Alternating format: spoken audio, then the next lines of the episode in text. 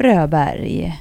Johanna Barvelid. Vad är det du heter i andra namn nu igen? Välkommen till podden om träning. Nej då. Eh, Linnea heter jag. Mm. Du har ju inget andra namn. Nej, mina föräldrar tyckte det var borgerligt. det är så jäkla roligt. det är typ ett barn i hela Sverige som är, du vet, det är ett barn. Alla, har inte alla typ två namn? Jo, eller fler. Eh, jo, det hade ju varit kul. Jo, men jag bara menar så här, kan, om man så här, att man säger så här, det är borgerligt, det är ändå så här roligt för att det är inte så, jag skulle säga typ, kanske 9,8 barn av 10 heter typ mer, minst två namn. Ja, men alltså min syrra fick alltså, näbbstövlar istället för snowjoggers. Alltså mina föräldrar hade väldigt mycket tydliga åsikter, men jag tror att de, alltså mina föräldrar var väldigt mycket så här, när jag växte upp, att saker var onödigt. Ja, men du ändå, det är roligt att du säger att de har mycket åsikter, Klara. Det kan ju vara så att det här äpplet faller inte långt från päronträdet, eller vad säger man? Äpplen och päron, ja men jag, vet du vad, där tror jag att där, för man blir ju ofta man, har, man får ju ofta någon slags motreaktion på hur man växte upp. Eller man, har, man tar med sig någonting mm. från hur man växte upp och så tänker man så här, så där vill in, jag vill att mina barn, det där tycker inte jag var bra, eller det där tyckte jag var bra. Och så tar man med sig lite mm. olika saker. Och um, jag tror att jag betraktar ju mig verkligen inte som att jag har någon ideologi. Och jag är ju väldigt så här, emot ideologier. Alltså jag vill inte vara en ism på något sätt. Och jag har alltid svårt att se så här, jag tycker inte om när man placeras i fack. Det, det kliar i mig Nej. av sådana saker. Och det tror jag att jag har tagit med mig för att mina föräldrar var väldigt mycket inte så. Alltså, mm. att för dem var det väldigt viktigt så här, ideologiskt var man stod och hur man tyckte. Och, eh, och, och lite så här som du och jag har pratat mycket om kopplat till så internet och saker som händer på internet. Det är ju sånt som jag kan fortfarande tycka är problemet med det också. Det blir att så här, ja men om den här personen är den här ismen som jag också betraktar mig som och sen så är plötsligt så tycker den personen om päron som inte hör ihop med den ideologin, då kan inte jag tycka om den personen längre.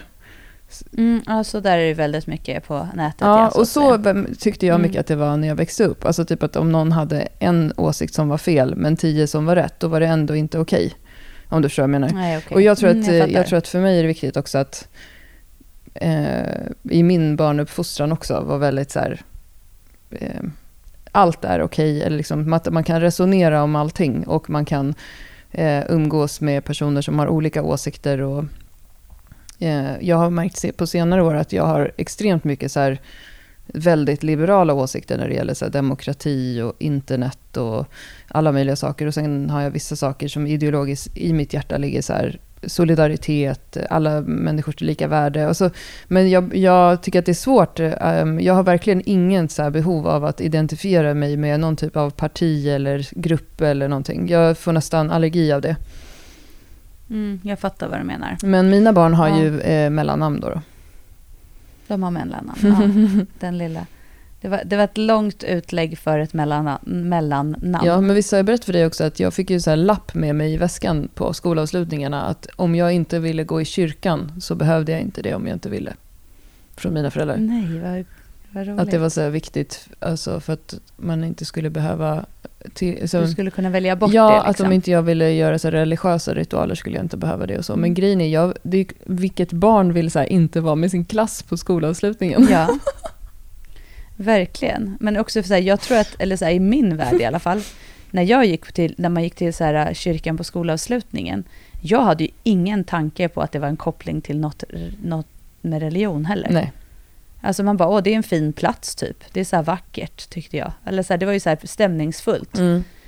Men ja, ja, men ja. ja. men för mig känns det sådana grejer, nu vet jag inte om man gör sånt ens längre, men när vi växte upp, säkert, eh, det är ju, det är ju några år mellan oss, men det här med till exempel med konfirmation, det var en sån grej som mm. alla gjorde inom citationstecken. Och det tyckte jag också då själv att många så slentrian gjorde. För att... Ja, men det håller jag med eh, det, var, det är ju ändå liksom en religiös ritual och jag kände liksom inte att jag...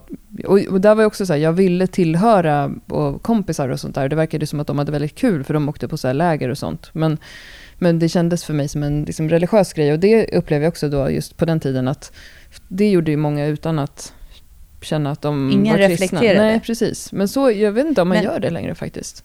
Nej men jag vet inte, jo jag tror att man gör det. Men däremot så, jag var ju så här, eller i vårat i vår, liksom, det, det enda jag minns av konfirmation, jag är inte heller konfirmerad. Min mamma sa att jag inte fick konfirmera mig om jag gjorde, för, eller så här, jag fick konfirmera mig om jag ville, det valde jag själv. Men, men det kom ju fram att jag då sa det och även hennes, eller mina kompisar, var ju så här, man, man konfirmerar sig för, för, för att få presenter. att det var så här, det som var grejen typ. Och sen var det så här roliga läger och sånt. Men nej, jag konfirmerade, så det var inte så att de brydde sig om jag gjorde det eller inte, det fick väl jag välja liksom. Mm. Men det är ändå så här, just det här varför man gjorde det. Det var inte så för att jag tänkte att här, det, var på, det var en viss anledning, utan det var de där presenterna som hägrade. Mm. Ja, nej, men så jag vet inte. Det, det är, jag, nej, ja. Konfirmation gör man säkert fortfarande. Det har väl fortfarande till religionen. Alltså det är väl fortfarande en, en religiös handling inom kristendomen. Ja, Ja, jag vet inte. Min, min yngsta dotter tyckte att det var töntigt. I, hon gick i kyrkokören i ett år. Hon, tyck, hon tycker jättemycket mm. om att sjunga. Men hon ställde sig upp och sa till om att det inte var en inkluderande text i salmerna För att det var väldigt mycket hon och han hela tiden. Och hon tyckte att man skulle lägga till icke-binär. Det är helt fantastiskt. Vet du, jag blir så glad när jag hör så här barn.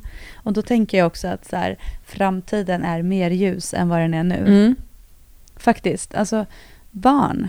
Det är ändå helt eh, underbart. Men eh, tyvärr inte alla har inte den där inställningen. Nej. Men det är ju oftast på grund av föräldrar, inte av att barnen själva har valt att ha någon åsikt om sånt.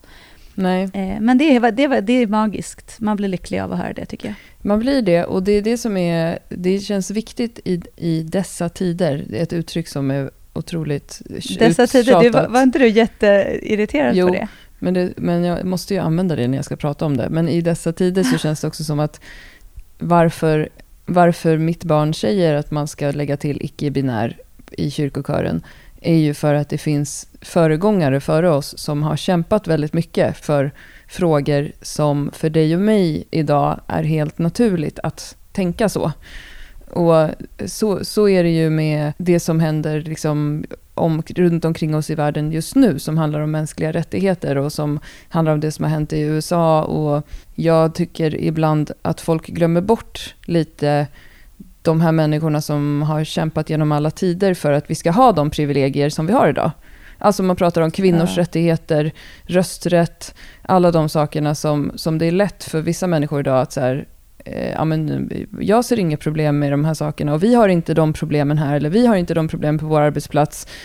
Men varför vi inte, ha, inte ni har det är kanske för att det har varit personer före er som har slitit, slitit för det. Och, eh, det är sånt som kan vara som provocerande. Både du och jag har ju liksom ett inre, en inre tagg mot till exempel Sverigedemokraternas politik som liksom försöker eh, liksom ta bort de sakerna som, som till exempel mm. kvinnor har kämpat för i alla tider, eller som att alla människor ska ha samma rättigheter oavsett sexualitet.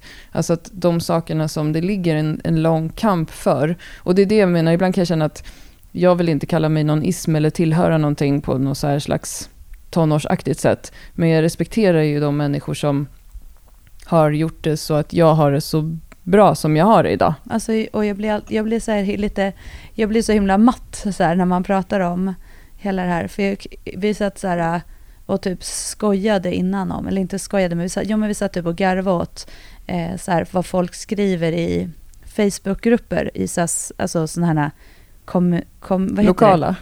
Lokala Facebookgrupper. Och att liksom ändå de här sakerna som du tar upp nu och det som liksom händer i världen, i Sverige, överallt runt omkring mm. oss just nu och egentligen hela tiden, men just nu är väldigt eh, eh, på tapeten, eh, tillsammans med en pandemi som, som också stryker runt breven mm. Eh, och eh, bara är där hela tiden, så bara kan jag bli så här, alltså snälla människor i dessa lokala grupper, sluta vara kränkta. Sluta tycka synd om, om er själva för det är någon jävla parkeringsbot man har fått för att man har stått någonstans där man inte Får ska stå.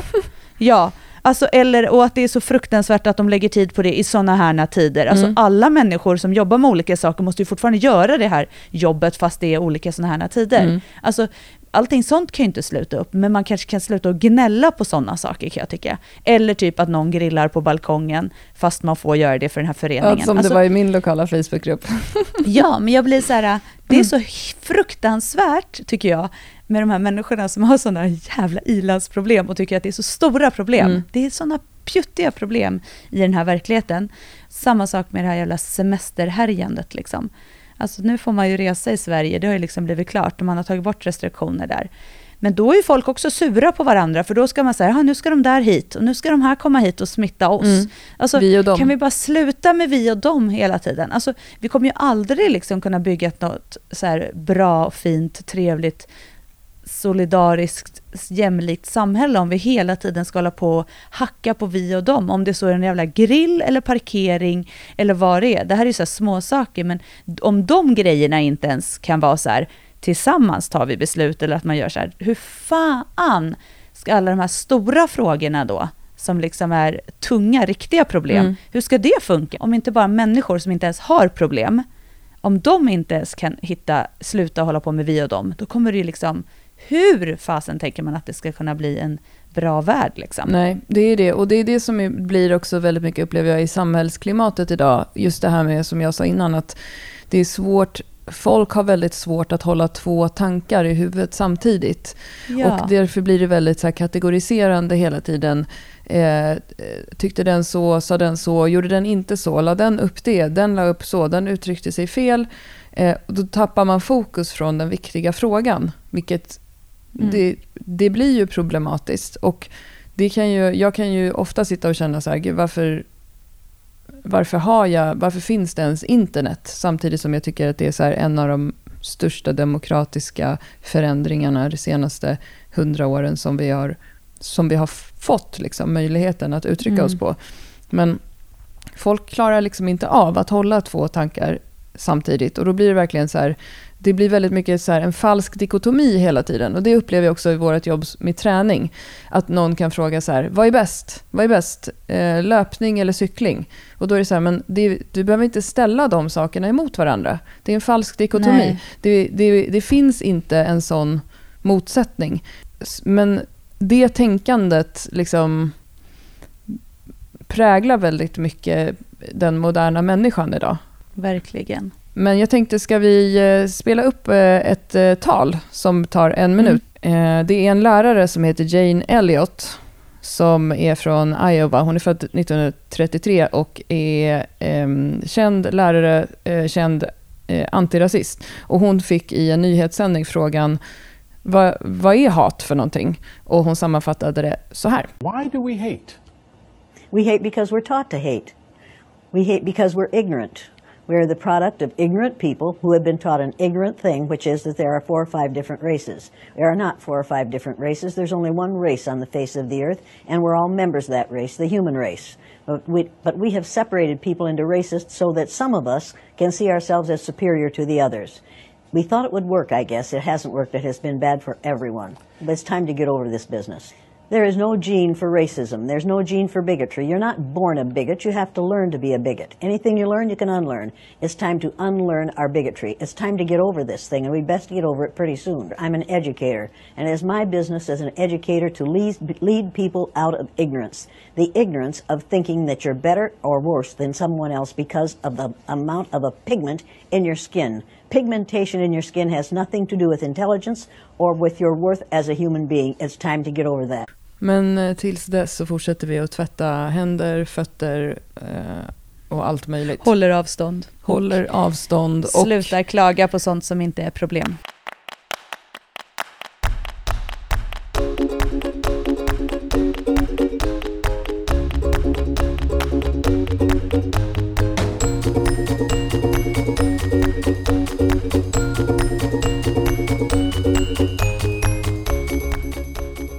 En annan sak bara lite snabbt. Okay. Jag måste ändå säga en sak som jag tycker har varit helt, som är väldigt härligt nu. Ja. Du är jäkligt back on track i träningen ju. det är ändå härligt, för man märker på dig att du blir glad av det. Du har alltid, det säger du också alltid, att träning är ju som en, liksom, det, om jag inte gör det så mår jag dåligt och det är som att borsta tänderna. Alltså jag Mm. behöver träningen. Men och, och du har ju liksom verkligen gjort massor med bra saker. tänkte jag. Du har gjort massor med val som har gjort att det blev enklare och du tränar du. Men en sak som också är fantastiskt roligt, du kör ju team Mm. och det går så här, och, tycker det är härligt och så här, ibland så säger du bara till mig, vad fan tänkte du när du gjorde det här? Och så, så garvar jag typ.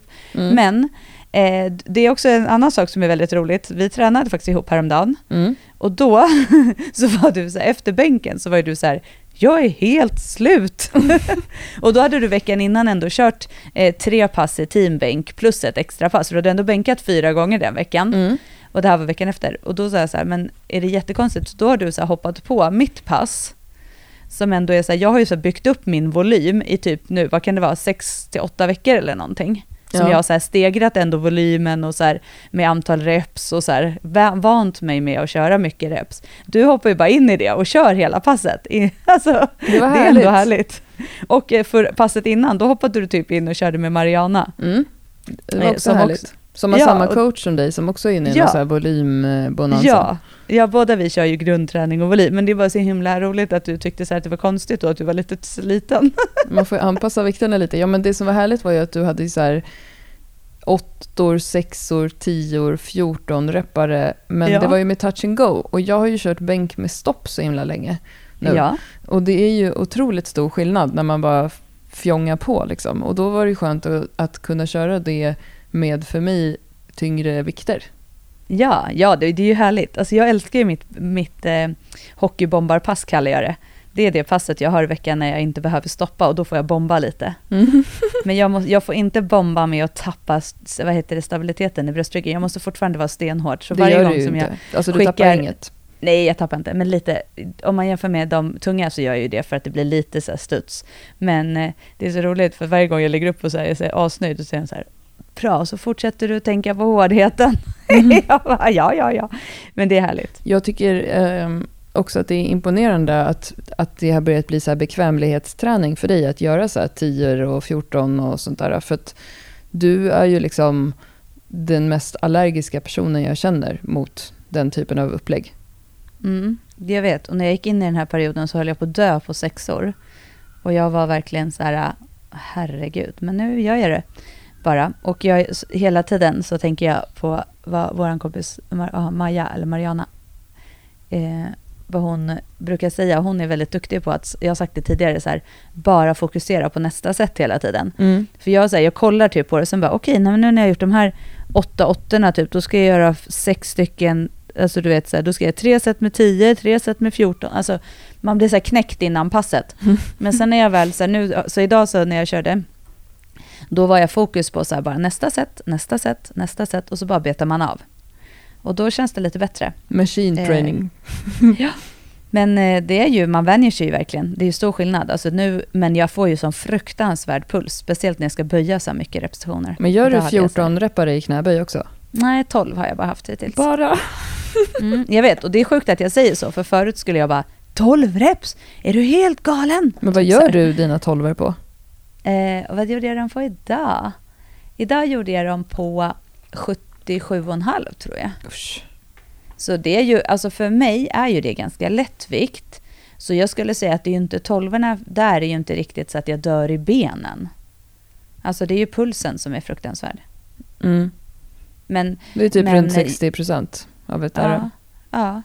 Men grejen är att jag är ju också så här, jag tror, det är verkligen, jag gör ju bara, jag, jag så här, litar ju fullt ut på, på Angelica, vilket är så här, därför jag också har en coach, för att jag, så här, jag, det är så skönt att slippa räkna och så här, Jag lägger ju väldigt lite värdering i vilka vikter jag gör dem på eller något. Jag fattar ju och ser ju att så här, "Aha, nu har hon smugit in en sexa på den här vikten, det gjorde jag fyra förra veckan. Alltså du vet, så jag ser ju att det händer grejer. Mm. Och jag vet ju att så många gånger så är det så här, "Ja, det här har jag aldrig gjort den här, de här repsen på. Liksom. Men, men eh, hon har varit så himla från början, för hon vet ju också min inställning till mycket reps och sånt. Så det har verkligen varit att det har smygits upp. Så att när jag började med det här så var ju egentligen alla lyft väldigt lätta, bara att jag gjorde så här 10 och 12 och sånt. Mm. Men att så här, alltså i basövningarna.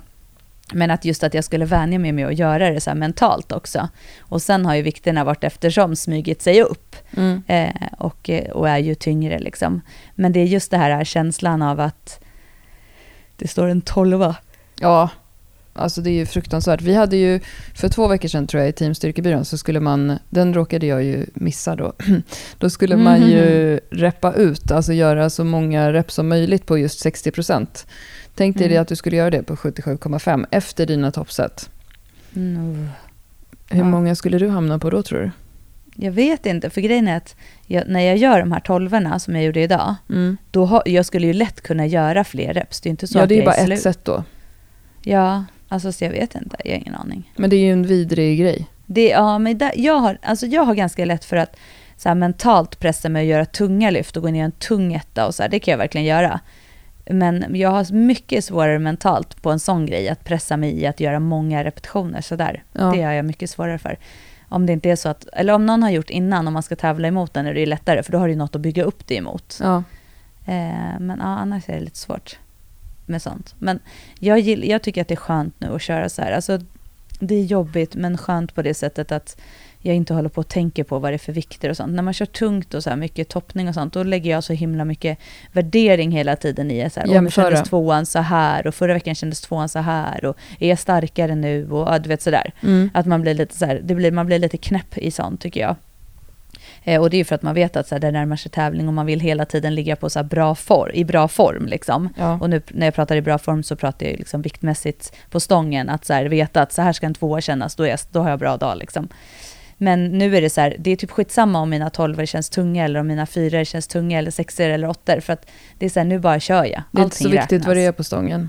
Nej, Du ska bygga Alltså, volym. det, finns, det finns ju en tanke vad jag lyfter för vikter och jag ser ju att det finns, eller jag, har, jag förstår ju att det är progression och jag ser ju progressionen i hela tiden mit, mina nya veckor liksom. Mm. Men jag behöver inte lägga någon värdering i det och det är så himla skönt. Ja, undrar vad det blir för period sen då för dig? Ja, vi får se om det blir några tävlingar att toppa till eller hur, vad som händer. Ja, precis. Det känns ju lite, det händer ju mycket grejer inför hösten. Mm. Eh, just inom idrottsrörelsen har man ju ändrat en del restriktioner och sånt där. Så det verkar ju som att det kanske blir lite serietävlingar i höst. Vi får se, vi får se.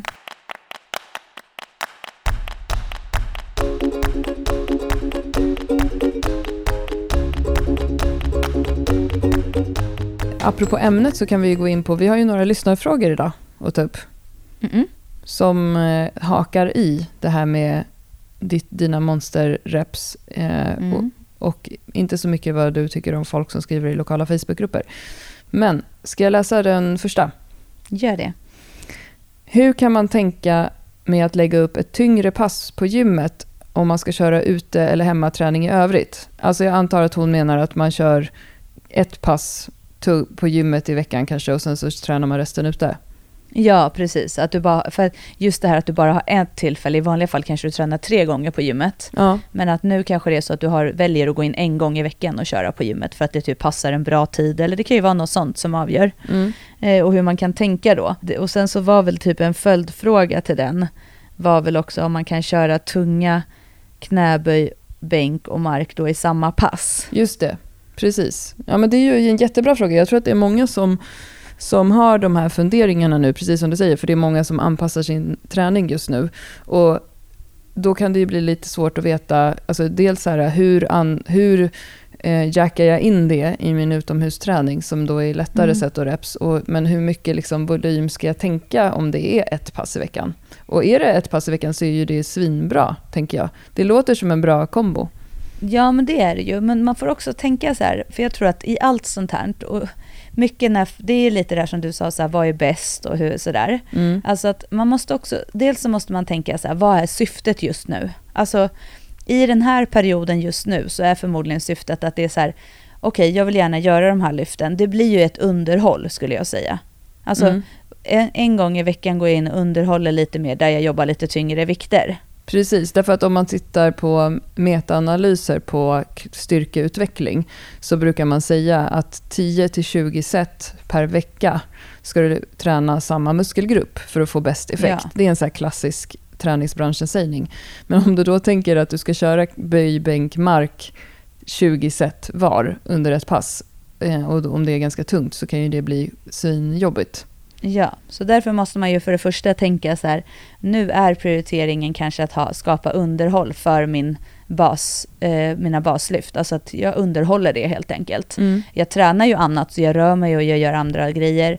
Eh, och jag tränar lite andra, liksom, eller tränar musklerna, absolut, men det, är, det här är underhåll. Det tror jag man måste så här, först vara klar med, så att man också inte så här, kanske blir besviken på om man inte har samma styrkeutveckling som man brukar ha, eller att det känns annorlunda eller att man kanske för sig känner sig jättefräsch de här passen för att man har tränat mycket lättare de andra passen. Mm. Men just att man har koll på syftet tänker jag. Och sen handlar det ju väldigt mycket om att se till liksom helheten. Alltså hur, hur ser de andra passen ut? Är de typ bara med kroppsvikt eller vad har de för typ av belastning på kroppen och så vidare. Är det så att jag kanske tränar med lite vikter då så att jag får lite belastning till exempel i knäböj eller sådär. Det kan ju också vara bra att se till. Det är skillnad på att göra massa pull-ups de andra passen eller om man gör split squats med två kettlebells två gånger ja. till i veckan. Precis, så det får man titta lite på tänker jag. Och sen, det är ju såklart att man kan köra alla, verkligen kan man köra alla, alla de här övningarna i samma pass. Och då får man ju tänka på att du, du kommer förmodligen palla en viss tid, sen kommer du tappa fokus. Det innebär att du behöver, det du prioriterar, det vill du, där du vill vara fräschast, det behöver du ju kanske lägga först i passet. Som till exempel skulle jag inte lägga knäböj sist, som är en övning som kräver väldigt mycket av hela kroppen och väldigt mycket fokus. Utan det skulle jag kanske lägga i början till exempel, medan bänk sliter ganska lite på kroppen, eller ja, det blir inte samma belastning på hela kroppen. Eh, det är klart att man kan vara väldigt sliten av bänk. Men jag kanske också skulle tänka då att, att knäböj och mark skulle jag lägga isär så att jag får lite break från det. Så jag kanske skulle lägga knäböj, bänk, sen mark eh, i ett pass. Men det beror också på om du ska köra tungt i alla. Du kanske inte... Tungt behöver ju heller inte vara att du kör till failure i det. Det är inte det som Nej. egentligen är tungt. Så att det, man får liksom se till så här, vad är mitt eh, vad vill jag prioritera? Vad blir jag, vad vill jag, när vill jag vara fräschast? Liksom? Hur mycket tid har jag? Hur länge orkar jag hålla fokus? Vad är syftet med mitt pass? Alltså hela det här, alltså, att man får liksom väva in det för att kunna svara på det. det ja, det blir det. Det blir lite så här hur långt är ett snöre? Därför att ja. om, om jag kör tunga knäböj så är jag inte så jättesugen på att göra tunga marklyft sen. Det är ju ändå två benövningar. Alltså jag skulle inte kunna köra tunga böj och tunga mark i ett pass tror jag, om jag skulle vilja ha ut samma, samma känsla i mina mark som mina böj till exempel. Nej. Och inte tvärtom heller. Alltså att jag börjar med mark. Så det, där tror jag, men där, det beror ju på såklart hur mycket man tar i och hur tungt man kör. Ja, det, och vilken nivå man ligger på, precis. Om man är mm. ganska ny i sin styrkekarriär, då kan man ju säkert lätt köra fem gånger fem av alla tre övningarna och inte bli Definitivt. sliten. Man får känna hur hur det känns och om man kan öka om man känner sig stark i övningarna. Men eh, att, att variera kanske lite grann, som du var inne på också, vilken mm. övning man fokuserar på i passen, även om det är bara en gång i veckan, kan ju också hålla uppe motivationen, tänker jag. För det är också en sak som är jätteviktig när man tränar under speciella förutsättningar. Att man känner att så här, det kanske är roligt att tänka att nästa gång ska jag köra mark som den tunga övningen. Eller nästa gång ska jag köra bänk som den tunga övningen och så vidare. Alltså att man inte kanske är så fokuserad på prestationen i sig, utan mer känslan i kroppen för just det passet och att det ska vara roligt. Ja, verkligen, verkligen. Det håller jag med. För att om det också känns som att så här, jag måste utnyttja den här tiden och då måste jag köra så tungt och mycket som möjligt, då kan det också bli så här rätt hög tröskel för att göra ett sånt där pass i veckan. Ja, ja och sen så tänker jag just att så här, det kanske inte måste vara de tyngsta heller. Alltså man kan ju, som du sa, fem gånger fem i alla övningar, det kan ju det kanske funkar för de flesta, men man kanske inte måste ligga på en så tung femma man skulle gjort om man bara skulle kört böj till exempel. Nej. Alltså, man kan se lite till helheten. Men eh, också ett sätt som man kan tänka är om man vill köra liksom tyng, böjen, eller en av övningarna lite tyngre, kanske man kör så här tyngre böj, tyngre bänk och sen lite lättare eller medelmark. Och sen nästa vecka då börjar man med marken och kör den tyngre och så kan man köra tyngre bänk och sen så lite medelböj eller lättare böj. Ja. Så kan man ju också rulla lite så, så att man inte känner att, att det alltid måste vara exakt samma eller lik, liksom lika. Så att den sista övningen kan vara lättare, men den kanske kan ha färre set men ett högre repsantal, typ 3 ja, gånger 8 eller 3 gånger 10 medan de första ja. har lite tyngre set och reps. Ja, Alltså det är lite så här, man kan ju också göra färre reps bara på lättare vikt. Då får man inte en så total stor belastning. Men det kanske räcker för att få underhålla. Liksom. Ja, precis. Så, eh, men det är ju ja. ett grymt upplägg att köra, och till exempel också om man, eh, om man springer eller så över sommaren. Eller att man är i en sommarstuga eller någonting, om man ändå har tillgång till gym en gång i veckan, så är det ju eh, jättebra om man kan underhålla med lite skivstångsträning under tiden. Verkligen, det är ju super. Ja, och det är ju ett, ett härligt pass ju. Jag skulle älska att ha sånt pass bara. Nej, men det är verkligen, då kan man också se till så här, vad vill jag göra de andra eh, passen? Där kan man ju lägga in så att man får eh, lite assistans till de här. Kanske lägga extra fokus på bål eller prehab eller sådana saker. Så att man också inte behöver lägga så mycket tid på sånt i just det passet. Nej. Utan då kan man ju lägga det fokuset som sagt på övriga. Ja. Ja, men kör på. En gång i veckan med de övningarna blir superbra. ja, jag blev motiverad av frågan. Mm, härligt.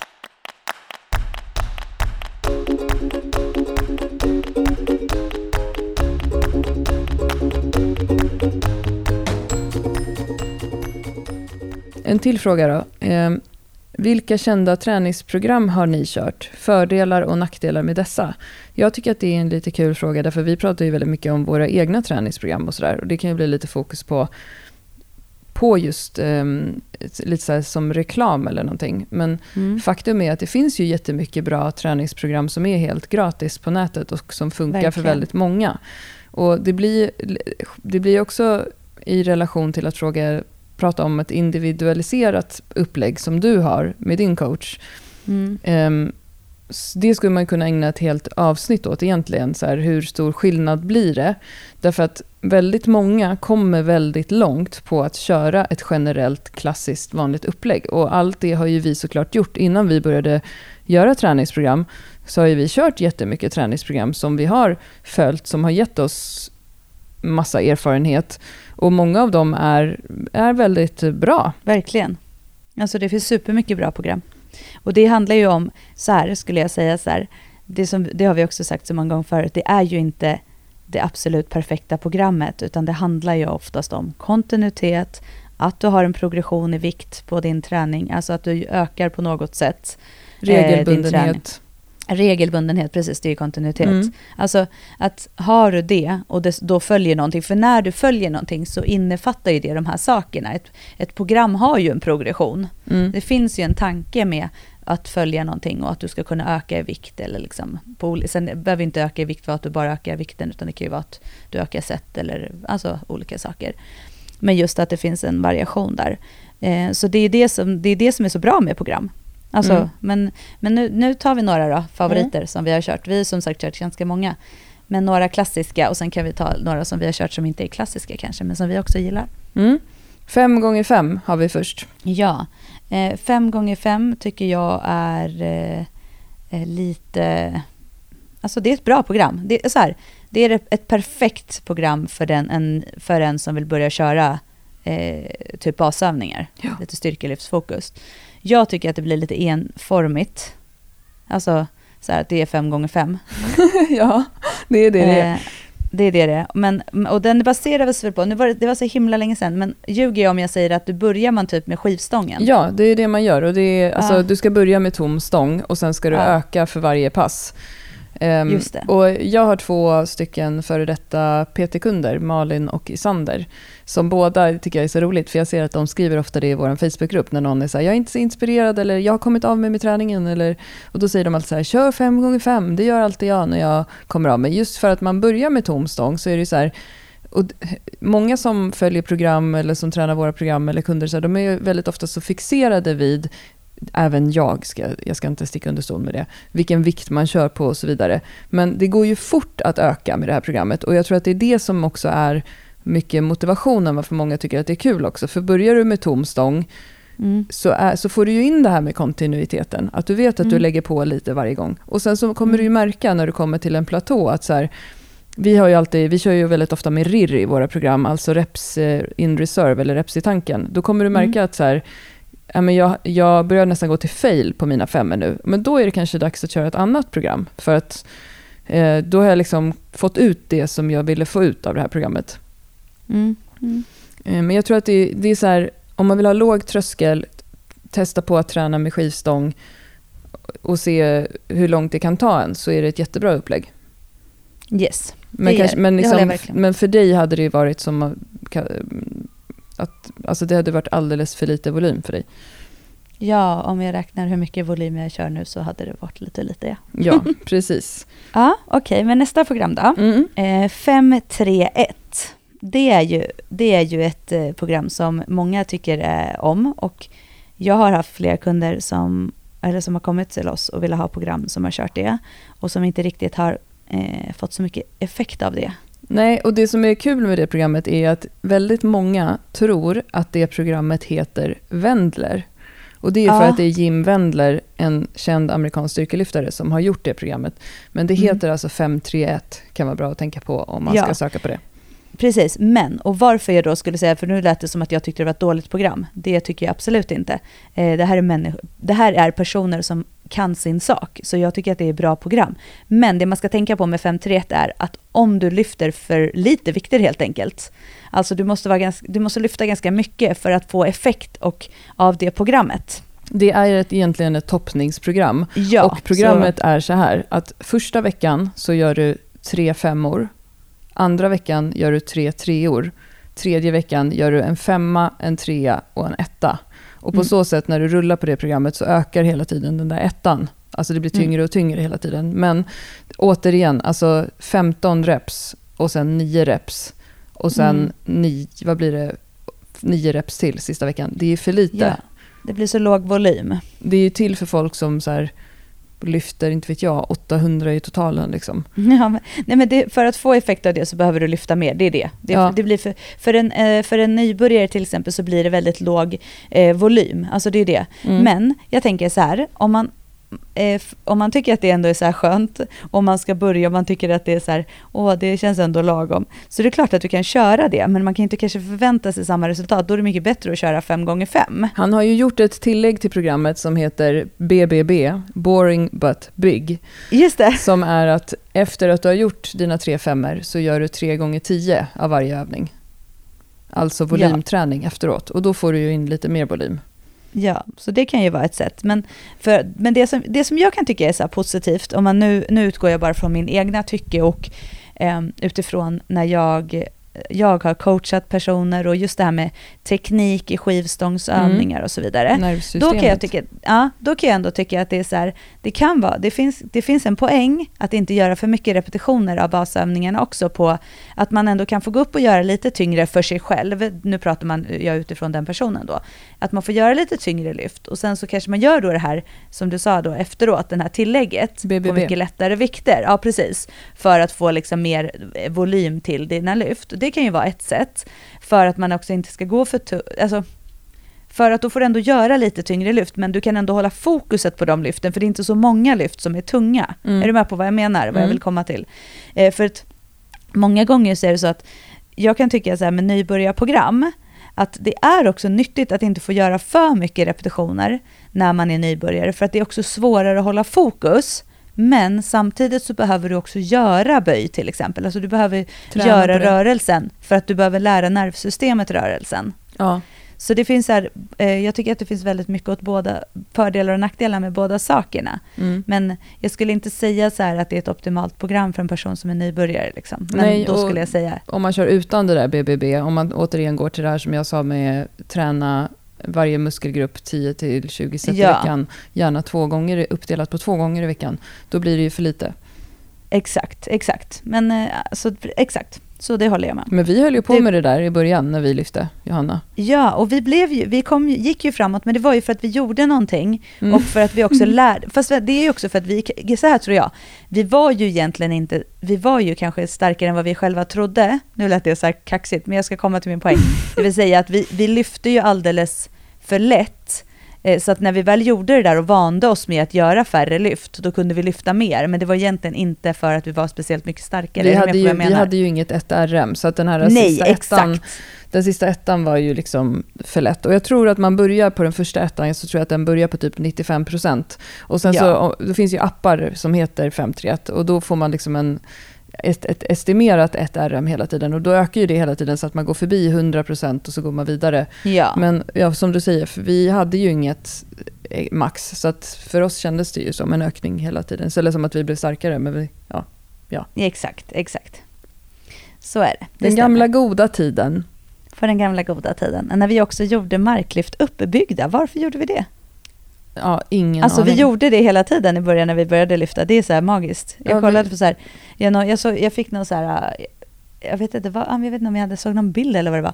Men just det här att vi gjorde, våra upp, vi gjorde dem upplyfta och så tyckte vi att vi var jättegrymma för att vi lyfte mycket tyngre. som att det inte är så självklart att man gör det. Ja, men även vi har, har haft eh, otur när vi har Våra- tänkt. Det var otur i tänkandet. Det är mitt favorituttryck. Du hade bara lite otur i tänkandet, Johanna. Ja men det är bra.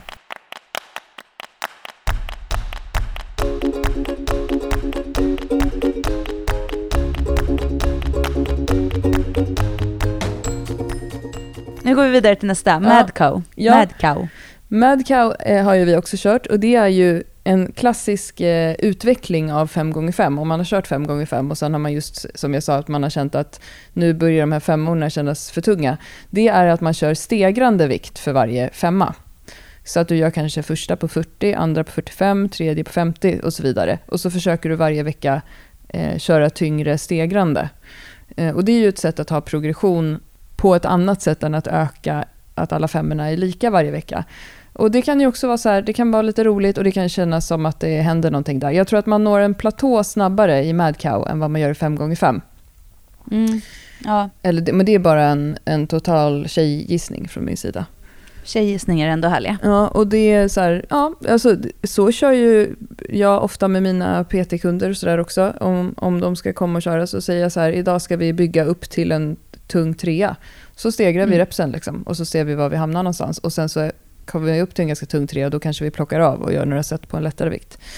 Ehm, Mm. Det är ett så här klassiskt, jag vet inte vad jag ska göra på gymmet pass, men eh, helt okej program också att testa.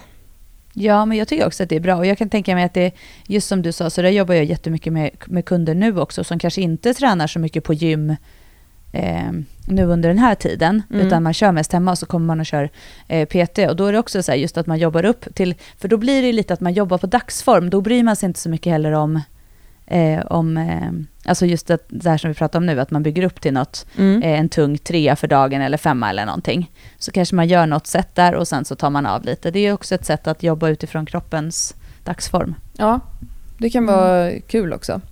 Mm. Eh, Nästa program som jag har kört, jag, tror, jag vet inte om du har kört Jag har det. inte kört det programmet. Det är Sheiko, men det hoppade jag av också.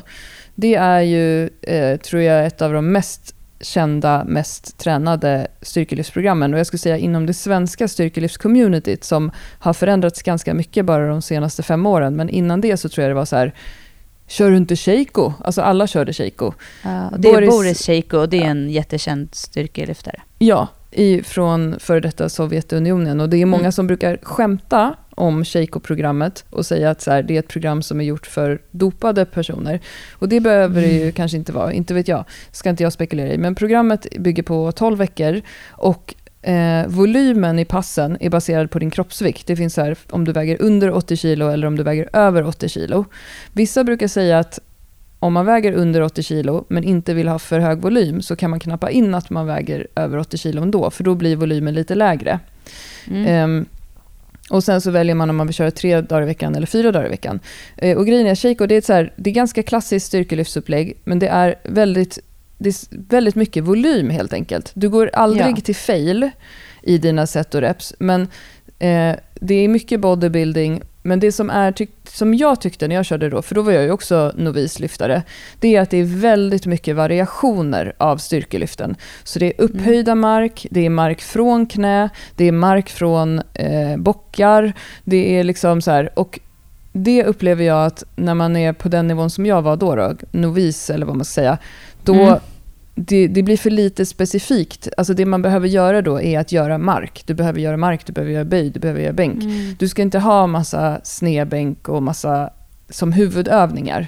Alltså om du förstår. Nej, inte lika, ja, men du behöver inte lika mycket variationen. Du behöver nöta den rörelsen först för att bli så stabil i böj, i vanliga mark, typ så. Ja, exakt. Sen Mm, så finns det mm. ju så här, det är nog mång- jättemånga som har fått jättemycket framsteg av det också. Och det kan ju vara kul för den som tycker att det är kul med variationer. Men för mig där jag var då så blev det liksom för hög tröskel. Bara det här Ja. att hålla på och rigga eh, plattor, bockar, upphöjningar, nedsänkningar, klossar, inte klossar. Mm. Alltså så här, då tycker jag hellre eh, uppskattar jag mycket mer att jobba som vi har i många av våra program, till exempel att man jobbar med långsam nedsänkning eller paus. Det är så här, mm. Då behöver man inte hålla på och rigga. Man vill liksom inte behöva åka till Bauhaus varje gång man ska träna.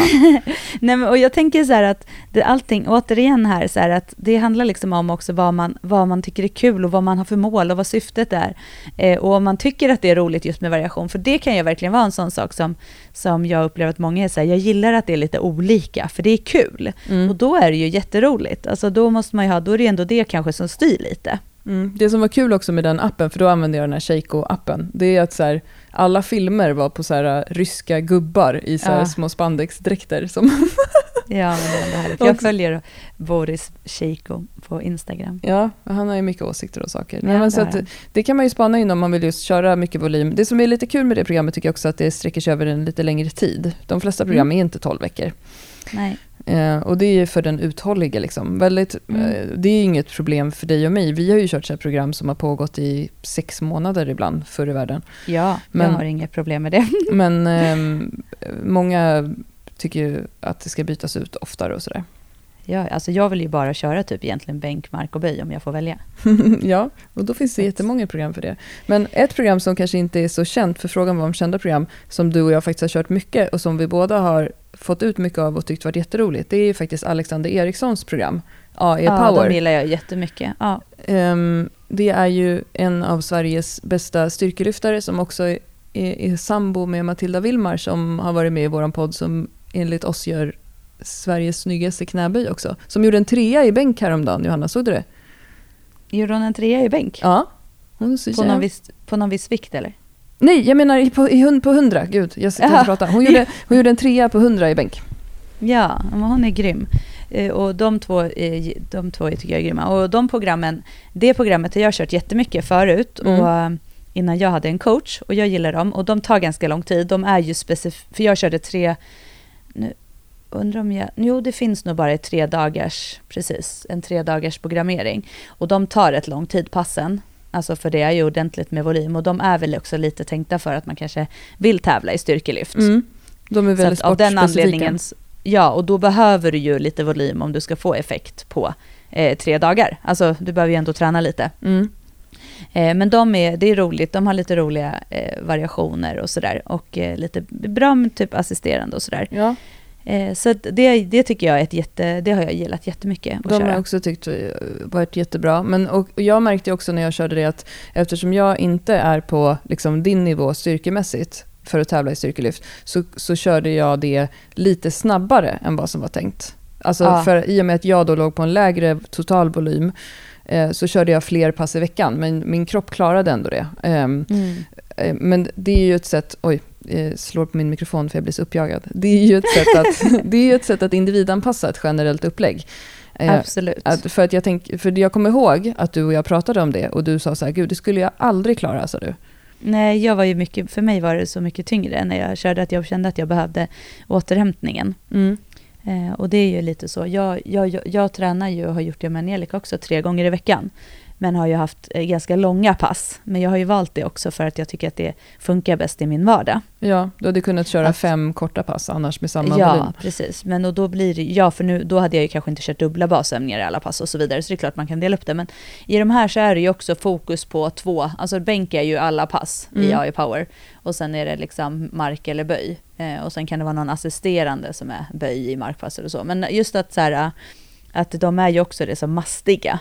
Och det är ju precis som för mig nu, att jag har ganska mastiga pass. Liksom. Ja, och det där är ju så här, det som fråga vi ofta får är så här, hur länge ska jag vila? Eller hur lång tid tar passen? Frågar folk om våra, våra program också. Hur lång tid tar teampassen? Hur lång tid tar beefcake-passen? Och då brukar jag alltid säga så här, eh, kolla, sök i vår Facebookgrupp, för där finns det en massa sådana trådar. Och då kan mm. man se att det varierar ju så otroligt mycket hur lång tid passen tar för folk. Och det får man alltid tänka på att det, om, om, om du står och gör femmer knäböj, Johanna, eh, många set på 100 kilo, så kommer du behöva vila mer än om jag står och gör femmer på 75.